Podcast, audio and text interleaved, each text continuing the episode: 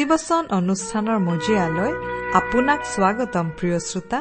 আজিৰে পবিত্ৰ ক্ষণতে উজলি উঠা খ্ৰীষ্টৰ জ্যোতি।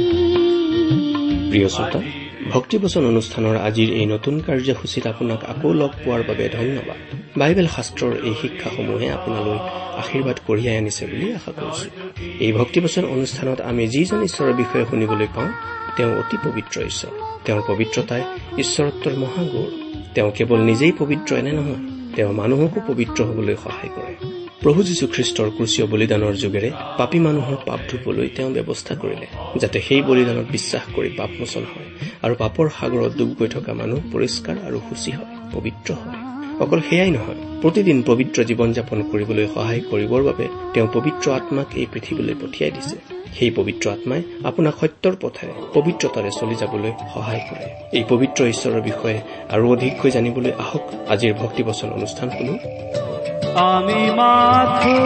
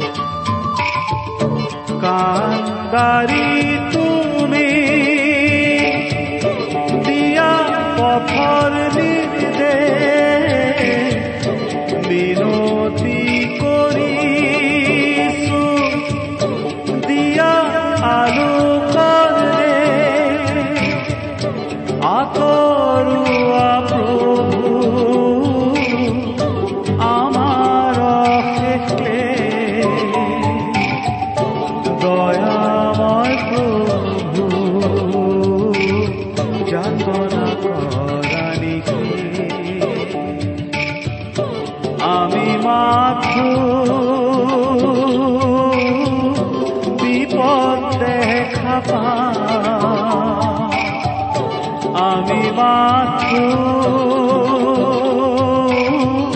বিপদ। অতি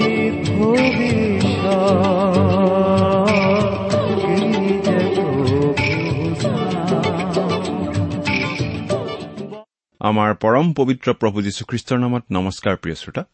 আশা কৰো মহান পিতা পৰমেশ্বৰৰ মহান অনুগ্ৰহত আপুনি ভালে কুশলে আছে। লগতে এই বুলিও আশা কৰিছো যে আপুনি আমাৰ এই ভক্তিবচন অনুষ্ঠানটো নিয়মিতভাৱে শুনি আছে। প্ৰিয় শ্ৰোতা এই অনুষ্ঠান শুনি আপুনি কেনে পাইছে আমালৈ চিঠি লিখি জনাবচোন। আপোনালোকৰ পৰা চিঠি পত্ৰ পাবলৈ আমি আগ্ৰহেৰে বাট চাওঁ। আহকচোন আজিৰ বাইবেল অধ্যয়ন আৰম্ভ কৰাৰ আগতে খন্তেক প্ৰাৰ্থনাত মূৰ দুৱাওঁ। স্বৰ্গত থকা অসীম দয়ালু পিতৃ ঈশ্বৰ তোমাৰ মহান নামৰ ধন্যবাদ কৰো। তুমি মহান তুমি কৰুণাময় তুমি অনুগ্ৰহৰ আকৰ। তোমাৰ অনুগ্ৰহতেই আজি আমি প্ৰভু যীশুত বিশ্বাস কৰি পৰিত্ৰাণ পাব পৰা হৈছো তোমাক পিতৃ বুলি মাতিব পৰা হৈছো। তুমি আমালৈ যিমান অনুগ্ৰহ দেখুৱাইছা তাৰ বাবে তোমাক ধন্যবাদ দি আমি শেষ কৰিব নোৱাৰো।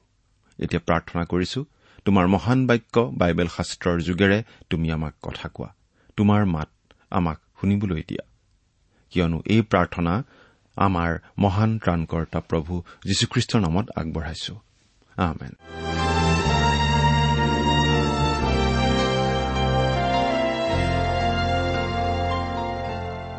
প্ৰিয় শ্ৰোতা আপুনি বাৰু আমাৰ এই ভক্তিবচন অনুষ্ঠানটো নিয়মিতভাৱে শুনি আছেনে? আপুনি যদিহে আমাৰ এই অনুষ্ঠানটো নিয়মিতভাৱে শুনি আছে তেনেহলে আপুনি নিশ্চয় জানে যে আমি এতিয়া বাইবেলৰ পুৰণি নিয়ম খণ্ডৰ জিহিচকেল ভাৱবাদীৰ পুস্তক নামৰ পুস্তকখন অধ্যয়ন কৰি আছো নহয় জানো? আমি এই পুস্তকখনক চমুকৈ জিহিচকেল পুস্তক বুলিয়েই কওঁ। আপুনি আমাৰ যোৱা অনুষ্ঠানটো শুনিছিল নে আমি বাৰু কি আলোচনা কৰিছিলো আপোনাৰ মনত আছেনে? যোৱা অনুষ্ঠানত আমি এই জিহিচকেল পুস্তকখনৰ সাত নম্বৰ অধ্যায়ৰ দুই নম্বৰ পদলৈকে পঢ়ি আমাৰ আলোচনা আগবঢ়াই নিছিলো নহয়নে বাৰু? গতিকে আজিৰ অনুষ্ঠানত আমি এই জিহিচকেল পুস্তকৰ সাত নম্বৰ অধ্যায়ৰ তিনি নম্বৰ পদৰ পৰা আমাৰ আলোচনা আগবঢ়াব খুজিছো। এই জিহিচকেল পুস্তকখন হৈছে এখন ভাৱবাণীমূলক পুস্তক। ঈশ্বৰে জিহিচকেল ভাৱবাদীক দেখুওৱা কিছুমান দৰ্শনৰ কথা আমি ইয়াত পাওঁ আৰু তেওঁৰ যোগেদি জনাই দিয়া কিছুমান ভাৱবাণী বা ভৱিষ্যৎবাণীৰ কথা পাওঁ। কিন্তু ভাৱবাণীমূলক পুস্তক হলেও ইয়াৰ যোগেদি আমি শিকিবলগীয়া কথা অনেক আছে। প্ৰিয় শ্ৰোতা সাত নম্বৰ অধ্যায়ত আমি ইছৰাইল দেশ আৰু ইছৰাইল জাতিটোলৈ আহিবলগীয়া ঈশ্বৰৰ অভিশাপৰ বিষয়ে দুটা বাৰ্তা পাওঁ। সেই বিষয়ে আমি ইতিমধ্যেই আমাৰ আগৰ অনুষ্ঠানত আলোচনা আৰম্ভ কৰিছো। এতিয়া আমি এই সাত নম্বৰ অধ্যায়ৰ তিনি নম্বৰ পদটো প্ৰথমতে পাঠ কৰি দিম। মই তোমাৰ ওপৰলৈ মোৰ ক্ৰোধ পঠাম। তোমাৰ আচাৰ ব্যৱহাৰ অনুসাৰে বিচাৰ কৰিম। আৰু তোমাৰ আটাই ঘীনলগীয়া কাৰ্যৰ ফল তোমালৈ ফলিওৱাম ঈশ্বৰে ইছৰাইলক কৈছে মই তোমালোকৰ কৰ্ম অনুসাৰে তোমালোকৰ বিচাৰ কৰিম। তেওঁলোকৰ কুকৰ্মৰ লগত খাপ খোৱাকৈ ঈশ্বৰে তেওঁলোকক দণ্ড দিব বুলি জনাইছে। প্ৰিয় শ্ৰোতা ইছৰাইল জাতিৰ কথা কওঁতে আমি আমাৰ নিজৰ কথাটোকো পাহৰি যোৱা উচিত নহয়। মই বা আপুনি এনে এগৰাকী খ্ৰীষ্টীয় লোক নেকি? এনে এগৰাকী মণ্ডলী সদস্য নেকি যিজনে পৰিত্ৰাণকেই পোৱা নাই? খ্ৰীষ্টক বিশ্বাস আৰু গ্ৰহণ নকৰি খ্ৰীষ্টীয় মণ্ডলীৰ সদস্য সদস্য হৈতো একো লাভ নাই? খ্ৰীষ্টক নধৰি খ্ৰীষ্টীয় ধৰ্মক ধৰিতো পৰিত্ৰাণ পোৱা নাযায়? প্ৰিয় শ্ৰোতা আপোনালোকৰ এই অযোগ্য দাসে সেই বিষয়টো ভালদৰে চাই মেলি ঠিক কৰি লোৱাৰ দৰে আপোনাৰো কৰিবলগীয়া আছে নেকি চাবচোন? মণ্ডলীৰ সভ্য বা সভ্যা হৈছে ভালেই কৰিছে। কিন্তু আপুনি খ্ৰীষ্টক ধৰি তেওঁতে লাগি আছেনে? আপুনি খ্ৰীষ্টৰ মানুহ নে কেৱল খ্ৰীষ্টীয় ধৰ্মৰ মানুহ? চাবচোন। এতিয়া আমি একেবাৰে এই সাত নম্বৰ অধ্যায়ৰ চাৰি নম্বৰ পদৰ পৰা ন নম্বৰ পদলৈকে পাঠ কৰি দিম। মই তোমালৈ কৃপাদৃষ্টি নকৰিম আৰু তোমাক দয়াও নকৰিম কিন্তু মই তোমাৰ আচৰণৰ ফল তোমালৈ ফলিওৱাম আৰু তোমাৰ ঘীনলগীয়া কাৰ্যৰ ফল তোমাৰ মাজত থাকিব। তাতে মই যে জিহুৱা তাক তোমালোকে জানিবা। প্ৰভু জীহুৱাই এই কথা কৈছে অমংগল কেৱল একেটা অমংগল চোৱা সেয়ে পালেহি। অন্ত উপস্থিত সেই অন্তই উপস্থিত। সেয়ে তোমাৰ অহিতে জাগিল চোৱা সেয়ে পালেহি। হে দেশ নিবাসী লোক তোমাৰ দণ্ডাজ্ঞা তোমালৈ আহিল। সময় উপস্থিত দিন ওচৰ চাপিছে। পৰ্বতবোৰৰ ওপৰত আনন্দধ্বনিৰ দিন নহয় কোলাহলৰহে দিন। এতিয়া অলপতে মই তোমাৰ ওপৰত মোৰ ক্ৰোধ বৰষাম তোমাৰ অহিতে মোৰ কোপ সিদ্ধ কৰিম আৰু তোমাৰ আচাৰ ব্যৱহাৰ অনুসাৰে তোমাৰ বিচাৰ কৰিম। মই তোমাৰ সকলো ঘীনলগীয়া কাৰ্যৰ ফল তোমালৈ ফলিওৱাম মই কৃপাদৃষ্টি নকৰিম আৰু দয়াও নকৰিম। মই তোমাৰ আচাৰ ব্যৱহাৰৰ ফল তোমালৈ ফলিওৱাম আৰু তোমাৰ ঘীনলগীয়া কাৰ্যৰ ফল তোমাৰ মাজত থাকিব। তাতে মই জিহুৱায়েই যে প্ৰহাৰ কৰো তাক তোমালোকে জানিবা। এইটো শাস্ত্ৰৰ অতি গুৰুত্বপূৰ্ণ অংশ। কিন্তু এই অংশৰ ওপৰত আমি গীৰ্জাসমূহত খুব কমেইহে শিক্ষা দিয়া শুনিবলৈ পাওঁ। কিছুমানে হয়তো ক'ব পাৰে এই কথাখিনি বহুদিন আগৰ পুৰণি নিয়মৰ দিনৰ কথা। গতিকে কথাখিনি বেলেগ। আজিৰ লগত খাপ নাখায়। কিন্তু প্ৰিয় শ্ৰোতা আমি যদি প্ৰকাশিত বাক্যৰ কথাখিনি পঢ়ো আৰু মুঠিয়ে লিখা শুভবাৰ্তা পঁচিছ নম্বৰ অধ্যায়ত প্ৰভু যীশুৱে কোৱা কথাখিনি পঢ়ো। তাৰ তুলনাত জিহিচকেল ভাৱবাদীৰ পুস্তকৰ এই ভাষা যথেষ্ট নৰম বুলিয়েই আমি ক'ব লাগিব। নতুন নিয়মৰ বহুতো শাস্ত্ৰাংশৰ তুলনাত জিহিচকেলৰ এই ভাষাখিনি আমি যথেষ্ট নৰম বুলি ক'ব লাগিব। নতুন নিয়মৰ ঈশ্বৰ সেই পুৰণি নিয়মৰ ঈশ্বৰজনৰ সৈতে একে। একেজনা ঈশ্বৰ। তেওঁ পাপক শাস্তি দিবই। যিকোনো যুগতেই তেওঁ পাপক শাস্তি দিব। পাচনি পৌলে এইবুলি লিখিছিল দ্বিতীয় কৰিন্ঠিয়া পাঁচ নম্বৰ অধ্যায়ৰ এঘাৰ নম্বৰ পদত পাঠ কৰি দিছো শুনিবচোন। এইকাৰণে প্ৰভুৰ ভয় জানি আমি মানুহক প্ৰবৃত্তি কৰাইছো। কিন্তু ঈশ্বৰৰ আগত আমি প্ৰকাশিত হৈ আছো। আৰু মই আশা কৰো যে তোমালোকৰ বিবেকতো আমি প্ৰকাশিত হৈ আছো। বহুতো লোকে আজি মণ্ডলীৰ বিষয়টো খেলা কৰা বিষয় বুলি ভাবি আছে। মণ্ডলীৰ বিষয়টো এটা সস্তীয় বিষয় যেন জ্ঞান কৰিছে। তেওঁলোকে মণ্ডলীৰ লোক বুলি চিনাকি দিয়ে। জীৱন উৎসৰ্গা কৰাৰ কথা কয়। কিন্তু প্ৰভু যীশুৰ প্ৰতি আচলতে কোনো বাধ্যতা তেওঁলোকৰ জীৱনত নাই। আজি মণ্ডলীত সভ্য সভ্যাৰ অভাৱ নাই। কিন্তু অভাৱ কিহৰ জানেনে প্ৰিয় শ্ৰোতা? আজি মণ্ডলীত প্ৰকৃত খ্ৰীষ্টীয় বিশ্বাসীৰ অভাৱ। এজন বিখ্যাত প্ৰচাৰকে মন্তব্য কৰিছিল বিশজন ঈশ্বৰ নিন্দক আৰু ঈশ্বৰ বিৰোধী মানুহে খ্ৰীষ্টৰ শুভবাৰ্তাৰ যিমান অপকাৰ কৰিব পাৰে এজন চেঁচা পৰা মণ্ডলীৰ সদস্যই তাতকৈ বেছি অন্যায় কৰিব পাৰে। খ্ৰীষ্টৰ শুভবাৰ্তা ঘোষণা কৰাৰ ক্ষেত্ৰত। জিহিচকেল ভাওবাদীৰ বাৰ্তা সেই সময়ৰ বাবেও জনপ্ৰিয় নাছিল। আৰু আজিৰ মানুহেও এনেবিলাক কথা শুনিবলৈ ভাল নাপায়। হয় প্ৰিয় শ্ৰোতা মণ্ডলীক লৈ খেলা কৰা খ্ৰীষ্টীয় লোকসকলৰ বাবে এয়া উপযুক্ত সতৰ্কবাণী। এনে সতৰ্কবাণী শুনিবলগীয়া হোৱা বাবেই জিহিচকেলৰ ভাৱবাণী মুঠেই জনপ্ৰিয় ভাৱবাণী নাছিল। মানুহবিলাকে জিহিচকেলক ভাল পোৱা নাছিল। সাত নম্বৰ অধ্যায়ৰ দহৰ পৰা চৈধ্য নম্বৰ পদ। চোৱা সেই দিন সৌৱা চোৱা সেয়ে পালেহি। তোমাৰ দণ্ডাজ্ঞা প্ৰকাশিত হল। দণ্ডদালি ফুলিল অহংকাৰে কলি ধৰিলে। দৌৰাত্ম দুষ্টতাৰ দণ্ড হৈ উঠিল। তেওঁবিলাকৰ আৰু তেওঁবিলাকৰ লোকসমূহৰ মাজৰ কোনো বা তেওঁবিলাকৰ ধন সম্পত্তিৰ একো অৱশিষ্ট নাথাকিব। তেওঁবিলাকৰ মাজত প্ৰাধান্যও নাথাকিব। সময় উপস্থিত দিন ওচৰ চাপিছে। কিনোতাই আনন্দ কি বেচোতাই বেজাৰ নকৰক কাৰণ তাৰ আটাই লোকসমূহৰ ওপৰত ক্ৰোধ উপস্থিত। কিয়নো তেওঁবিলাক সেই সময়লৈকে জীয়াই থাকিলেও বেচোতাই বেচা বস্তুলৈ নোলটিব। কাৰণ সেই দৰ্শন তাৰ আটাই লোকসমূহৰ সম্পৰ্কীয়। কোনেও নোলটিব বা নিজ নিজ অপৰাধত কোনেও জীৱন ধাৰণ কৰিব নোৱাৰিব। পদ তেওঁবিলাকে শিঙা বজাই সকলোকে যুগুত কৰিলে কিন্তু যুদ্ধলৈ কোনো নাযায়। কিয়নো মোৰ ক্ৰোধ তাৰ আটাই লোকসমূহৰ ওপৰত পৰিল।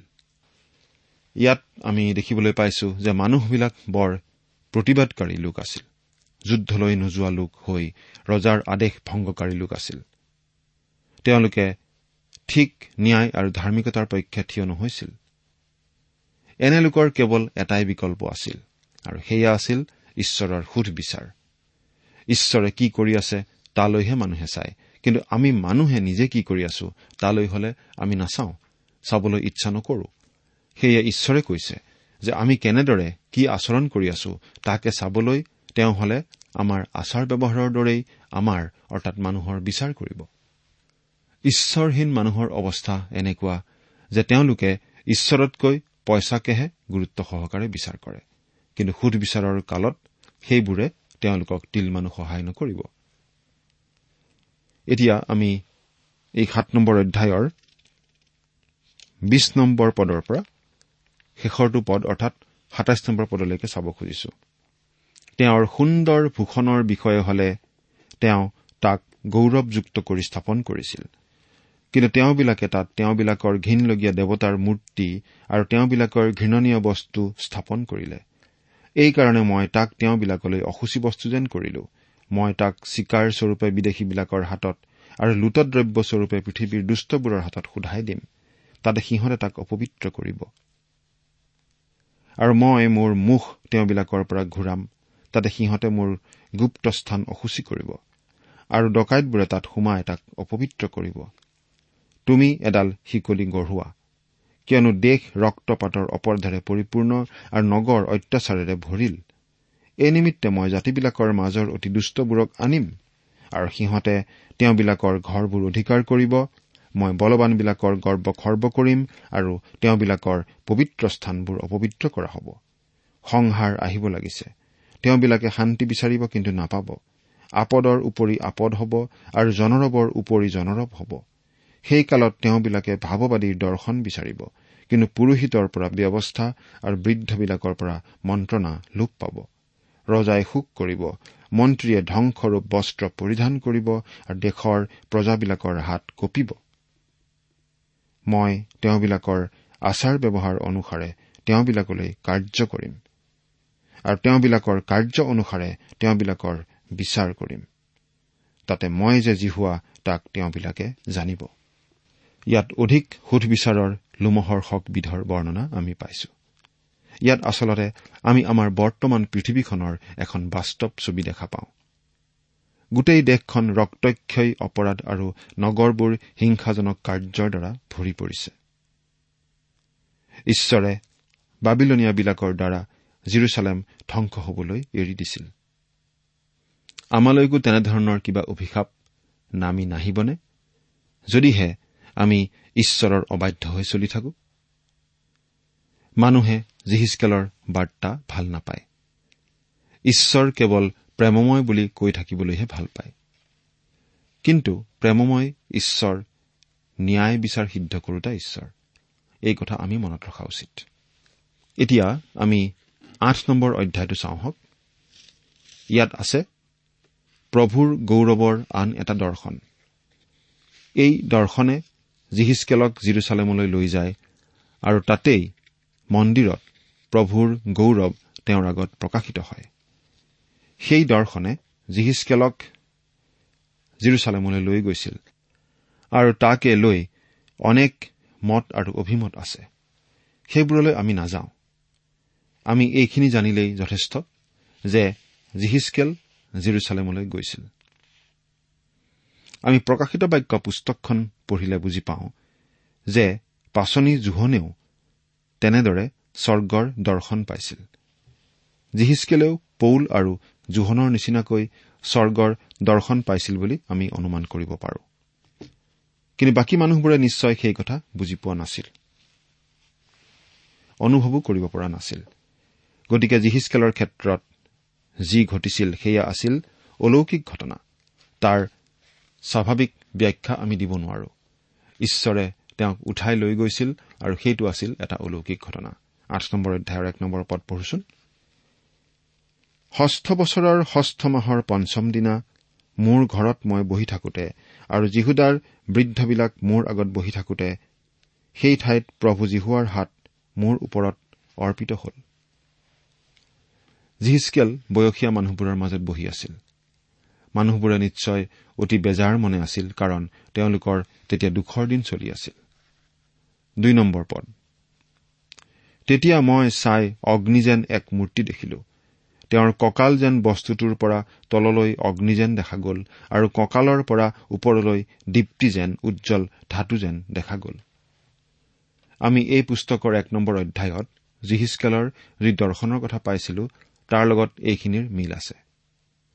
ঈশ্বৰৰ গৌৰৱৰ সেই চমকপ্ৰদ দৰ্শনেই জিহিচকেল পুস্তকৰ আন সকলো দৰ্শনৰ ভেটি আৰু ব্যক্তিগতভাৱে আমি ভাবো যে প্ৰকাশিত বাক্য পুস্তকৰো এয়েই ভেটি। পদ। পাছে তেওঁ হাত যেন বস্তুটো মেলি মোৰ মূৰৰ একোচা চুলিত ধৰিলে আৰু আত্মাই মোক দাঙি ঈশ্বৰীয় দৰ্শনত জিৰচালেমলৈ অন্তৰ্জালাজনক অন্তৰ্জালা মূৰ্তি স্থাপিত হোৱা ভিতৰ চোতালৰ উত্তৰ ফালৰ বাট চৰাৰ দুৱাৰমুখলৈ পৃথিৱী আৰু আকাশৰ মাজেদি মোক লৈ গ'ল। আৰু মই দেখিলো উপত্যকাত দৰ্শনত দেখা বস্তুটোৰ দৰে ইছৰাইলৰ ঈশ্বৰৰ গৌৰৱ তাত আছিল। তাতে তেওঁ হাত যেন বস্তুটো মেলি। ঈশ্বৰ আত্মা। আমাৰ নিচিনা হাত তেওঁৰ নাই। কিন্তু যেতিয়া শাস্ত্ৰই আমাক কয় যে গগনমণ্ডল ঈশ্বৰৰ হাতৰ কৰ্ম তেতিয়া আমাৰ বুজি পোৱাত নিশ্চয় অসুবিধা নহয়। কাৰণ আমি বুজি নাপাওঁ ঈশ্বৰেনো হাত নোহোৱাকৈ কেনেকৈ বিশ্বব্ৰহ্মাণ্ডখন সৃষ্টি কৰিলে। আচলতে ঈশ্বৰ অসীম আৰু আমি সসীম ঈশ্বৰৰ বিষয়ে কথাবোৰ আমি সহজে বুজি পাব নোৱাৰো। গতিকে শাস্ত্ৰত আমাৰ সসীম শব্দ বা ছবিবোৰ ব্যৱহাৰ কৰি সেই অসীম জনাৰ কথা আমাক বুজায়। মোৰ মূৰৰ একোচা চুলিত ধৰিলে। আমি ইতিমধ্যে পাই আহিলো যে জিহিচকেলে ঈশ্বৰৰ নিৰ্দেশমতে মূৰৰ চুলি খুৰাই পেলাইছিল মুখমণ্ডল আৰু মূৰৰ দাড়ি চুলি খুৰাই পেলাইছিল। কিন্তু ইয়াত পোৱা ঘটনা প্ৰায় এবছৰ পাছৰ কথা আৰু এই এবছৰত তেওঁৰ মূৰৰ চুলি আকৌ গজিছিল। ঈশ্বৰৰ হাতে তেওঁৰ মূৰৰ চুলিত ধৰিছিল। আৰু আত্মাই মোক দাঙি ঈশ্বৰীয় দৰ্শনত জিৰচালেমলৈ জিহিচকেলক আচলতে উঠাই লৈ যোৱা হৈছিল জিৰচালেমলৈ ঈশ্বৰৰ আত্মাৰ দ্বাৰা। তেওঁ কেৱল আত্মাতহে গৈছিল নে লগতে তেওঁৰ শৰীৰটোও গৈছিল সেই বিষয়ে আমি একো যুক্তিতৰ্কত নামিব খোজা নাই। কিন্তু আমি ভাবো তেওঁৰ শৰীৰটোও গৈছিল। জিহিচকেলক এনেদৰে জিৰচালেমলৈ লৈ যোৱাটো শাস্ত্ৰত একো নতুন কথা নহয়। আমি পাই আহিছো এলিয়া ভাৱবাদীক উঠাই লৈ যোৱাৰ কথা। দ্বিতীয় ৰজা বুলি দুই নম্বৰ অধ্যায়। আকৌ আমি নতুন নিয়মত ফিলিপৰ বিষয়ে এনেদৰে পঢ়িবলৈ পাওঁ। পাচনি কৰ্ম আঠ নম্বৰ অধ্যায়ৰ ঊনচল্লিছ নম্বৰ পদত পাঠ কৰি দিছো। পাছে তেওঁলোক পানীৰ মাজৰ পৰা উঠিলত প্ৰভুৰ আত্মাই ফিলিপক কাঢ়ি লৈ গ'ল। নপুংসকে তেওঁক আৰু দেখিবলৈ নাপালে আৰু আনন্দ কৰি কৰি নিজ বাটেদি গুচি গ'ল। অৰ্থাৎ ফিলিপক শাৰীৰিকভাৱেই তাৰ পৰা আঁতৰাই লৈ যোৱা হৈছিল। এলিয়াৰ ক্ষেত্ৰতো তেনে ঘটিছিল। জিহিচকেলৰ ক্ষেত্ৰতো তেনে ঘটিছিল বুলি আমি বিশ্বাস কৰো। অন্তৰ্জালাজনক অন্তৰ্জালা মূৰ্তি স্থাপিত হোৱা ভিতৰ চোতালৰ উত্তৰ ফালৰ বাট চৰাৰ দুৱাৰমুখলৈ পৃথিৱী আৰু আকাশৰ মাজেদি মোক লৈ যোৱা হ'ল। এই অন্তৰ্জালাজনক অন্তৰ্জালা মূৰ্তিনো বাৰু কি? আমি ভাবো মঞ্চীয়ে মন্দিৰত স্থাপন কৰা প্ৰতিমাটোৰ কথাকেই ইয়াত বুজোৱা হৈছে। সেইটো আছিল ঈশ্বৰ নিন্দা আৰু ঘীনলগীয়া ধৰণৰ কাৰ্য। সেই পুৰণি প্ৰতিমাটো কিজানি ঠেলি চুক এটাত থৈ দিয়া হৈছিল আৰু সেইটোৰ কথা মানুহে কিজানি পাহৰি গৈছিল। কিন্তু এতিয়া জিহিচকেলৰ দিনত সেইটো আকৌ টানি উলিওৱা হৈছে। মানুহবোৰে অনুতাপ কৰি মন পালটন কৰি ঈশ্বৰলৈ ঘূৰিবহে লাগিছিল। কিন্তু মানুহবোৰে তাকে নকৰি আকৌ সেই ঘীনলগীয়া প্ৰতিমা পূজাত মন দিছে। সেইটোৱে ঈশ্বৰৰ অন্তৰ্জালা জন্মোৱাটো স্বাভাৱিক। আমি এই জিহিচকেল পুস্তকৰ আঠ নম্বৰ অধ্যায়ৰ পৰা দহ নম্বৰ অধ্যায়ত জিৰচালেমৰ মন্দিৰৰ পৰা আৰু গোটেই ইছৰাইলৰ পৰাই ক্ৰমে ঈশ্বৰৰ মহিমা জ্যোতি আঁতৰি যোৱাৰ বিষয়ে পঢ়িবলৈ পাম। আমি ভাবো আচলতে মনচী ৰজাৰ দিনতেই ঈশ্বৰৰ সেই মহিমা জ্যোতি আঁতৰি গৈছিল। ইয়াত জিহিচকেলক সেই ঘটনাৰ এটা দৰ্শনহে দিয়া হৈছে। বহুতে ভাবে যে ইছৰাইলীয় লোকসকল বাবিল দেশত বন্দী হৈ থকাৰ সময়ছোৱাত ইছৰাইল আৰু জিৰচালেমৰ মন্দিৰৰ পৰা সেই মহিমা জ্যোতি আঁতৰি গৈছিল। কিন্তু আমি ভাবো মঞ্চী ৰজাৰ দিনতেই সেই মহিমা জ্যোতি আঁতৰি গৈছিল কাৰণ মঞ্চীয়েই আছিল সকলোতকৈ জঘন্য ৰজা। সেই ৰজাৰ দিনতেই যদি ঈশ্বৰৰ মহিমা জ্যোতি আঁতৰি নাযায় আন সময়ত আঁতৰি জানো যাব। গতিকে সেই মঞ্চী ৰজাৰ দিনতেই সেই গৌৰৱ মহিমা জ্যোতি জিৰচালেমৰ মন্দিৰ এৰি গৈছিল বুলি আমি বিশ্বাস কৰো। এই আঠ নম্বৰ অধ্যায়টোত ঈশ্বৰৰ গৌৰৱ মহিমাৰ জ্যোতিয়ে জিৰচালেমৰ মন্দিৰ এৰি যোৱা ঘটনাটোৰ সম্পূৰ্ণ দৰ্শনটো আমি নাপাওঁ। ইয়াত আমি মহিমা জ্যোতি দেখা পাওঁ। আৰু তাৰ পাছত মানুহবোৰে মন পালটন কৰি ঈশ্বৰলৈ উভতি নহা কাৰণে সেই মহিমা জ্যোতি মন্দিৰৰ পৰা ওপৰলৈ উঠিছিল আৰু নগৰখনৰ ওপৰেৰে পূব দিশলৈ গৈ তাতে ৰৈ আছিল। আমি দহ নম্বৰ অধ্যায়তহে সেই মহিমা জ্যোতি একেবাৰে আঁতৰি যোৱাৰ কথা পঢ়িবলৈ পাওঁ। প্ৰিয় শ্ৰোতা ঈশ্বৰে তেওঁৰ ধাৰ্মিকতা নাইবা আমাৰ শুদ্ধতাৰ ভিত্তিত আমাক উদ্ধাৰ নকৰে। তেওঁৰ আগত আগবঢ়াবলৈ আমাৰ একো নাই। প্ৰকৃত ধাৰ্মিকতাতকৈ তলখাপৰ একোৱেই ঈশ্বৰে গ্ৰহণ কৰিব নোৱাৰে।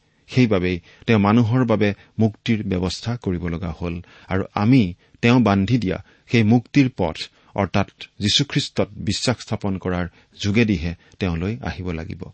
যদি আমি তেনে নকৰো আমাৰ যি পুৰণি প্ৰকৃতি সেই প্ৰকৃতি ঈশ্বৰ বিৰুদ্ধী।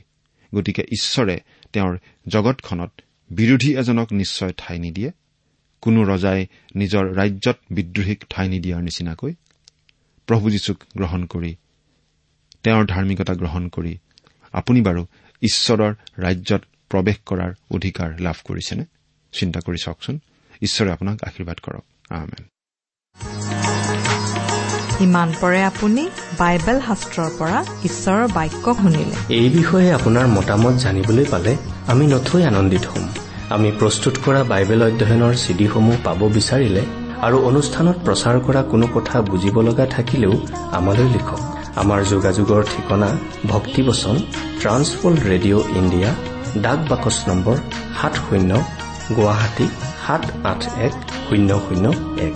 ঠিকনাটো আকৌ এবাৰ কৈছো ভক্তিবচন ট্ৰান্সৱৰ্ল্ড ৰেডিঅ' ইণ্ডিয়া ডাক বাকচ নম্বৰ সাত শূন্য গুৱাহাটী সাত আঠ এক শূন্য শূন্য এক।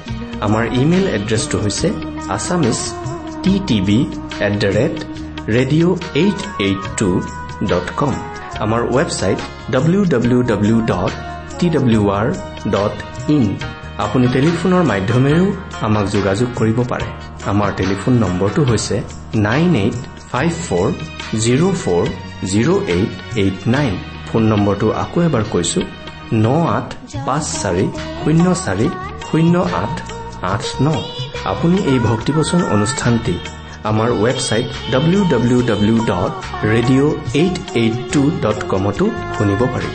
আজিৰ অনুষ্ঠানটি ইমানতেই সামৰিছো। ঈশ্বৰৰ শান্তি আৰু অনুগ্ৰহ আপোনাৰ লগত থাকক। ধন্যবাদ।